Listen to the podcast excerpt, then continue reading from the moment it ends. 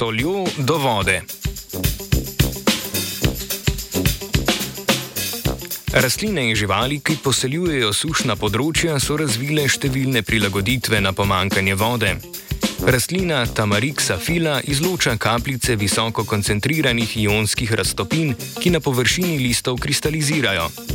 Znanstvena skupina je podrobno raziskala proces kristalizacije pod vplivom zunanjih pogojev, kot so dnevne spremembe vlažnosti in temperature.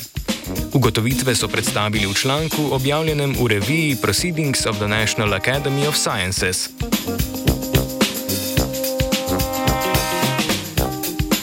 Zimzeleno puščavsko grmičevje Tamarixa fila uspeva na sušnih in slanih območjih na Bližnjem vzhodu. Rastlino obdajajo majhni listi, ki so prekriti z voskasto kutikolo in se ovijajo okoli stebla. Listna površina je posejana s solnimi žlezami, ki kopičijo in izločajo raztopine anorganskih soli, ki jih rastlina zajame s koreninami.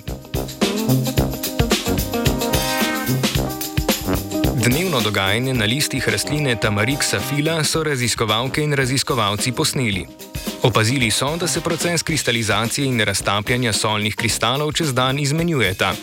Po dnevi, ko je vlažnost ozračja nizka, temperatura pa visoka, voda izhlapeva iz raztopine, kar vodi v nastanek kristalov.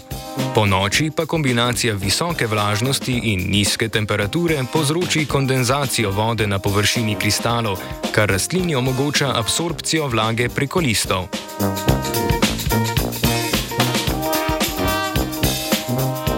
Sile, ki vodne kapljice pritrjujejo na površino lista, so raziskovali s pomočjo testne površine.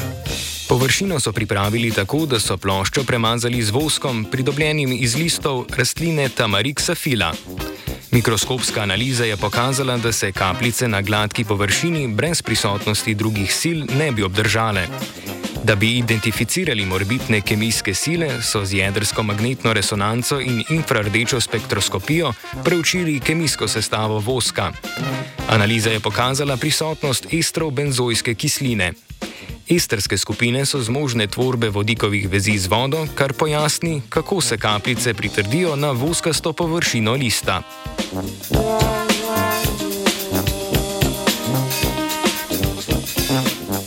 Kemijsko sestavo kristalov so analizirali z rentgensko praškovno difrakcijo visoke ločljivosti in ugotovili, da med solmi prevladujeta natrijev klorid in kalcijev sulfat dihidrat. Kristali natrijevega klorida so relativno veliki in v vetrovnih razmerah hitro padejo na tla, s čimer se rastlina znebi soli. Poleg prevladujočih soli so identificirali tudi prisotnost majhnih količin drugih anorganskih soli, denimo litijevega sulfata.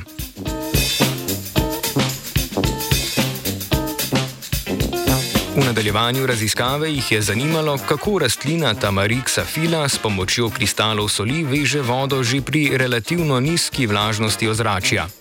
Modelna raztopina, ki je vsebovala le dve prevladujoči soli, je bila pri absorpciji vode bistveno manj učinkovita od naravno prisotne raztopine. Opažanje kaže na prisotnost higroskopnih soli v naravni raztopini, ki so zmožne vezave vode iz ozračja. Ena od identificiranih higroskopnih soli je bil litijev sulfat, najverjetneje pa je prisotnih več.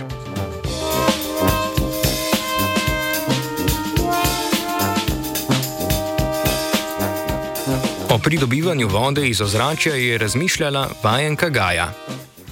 Three.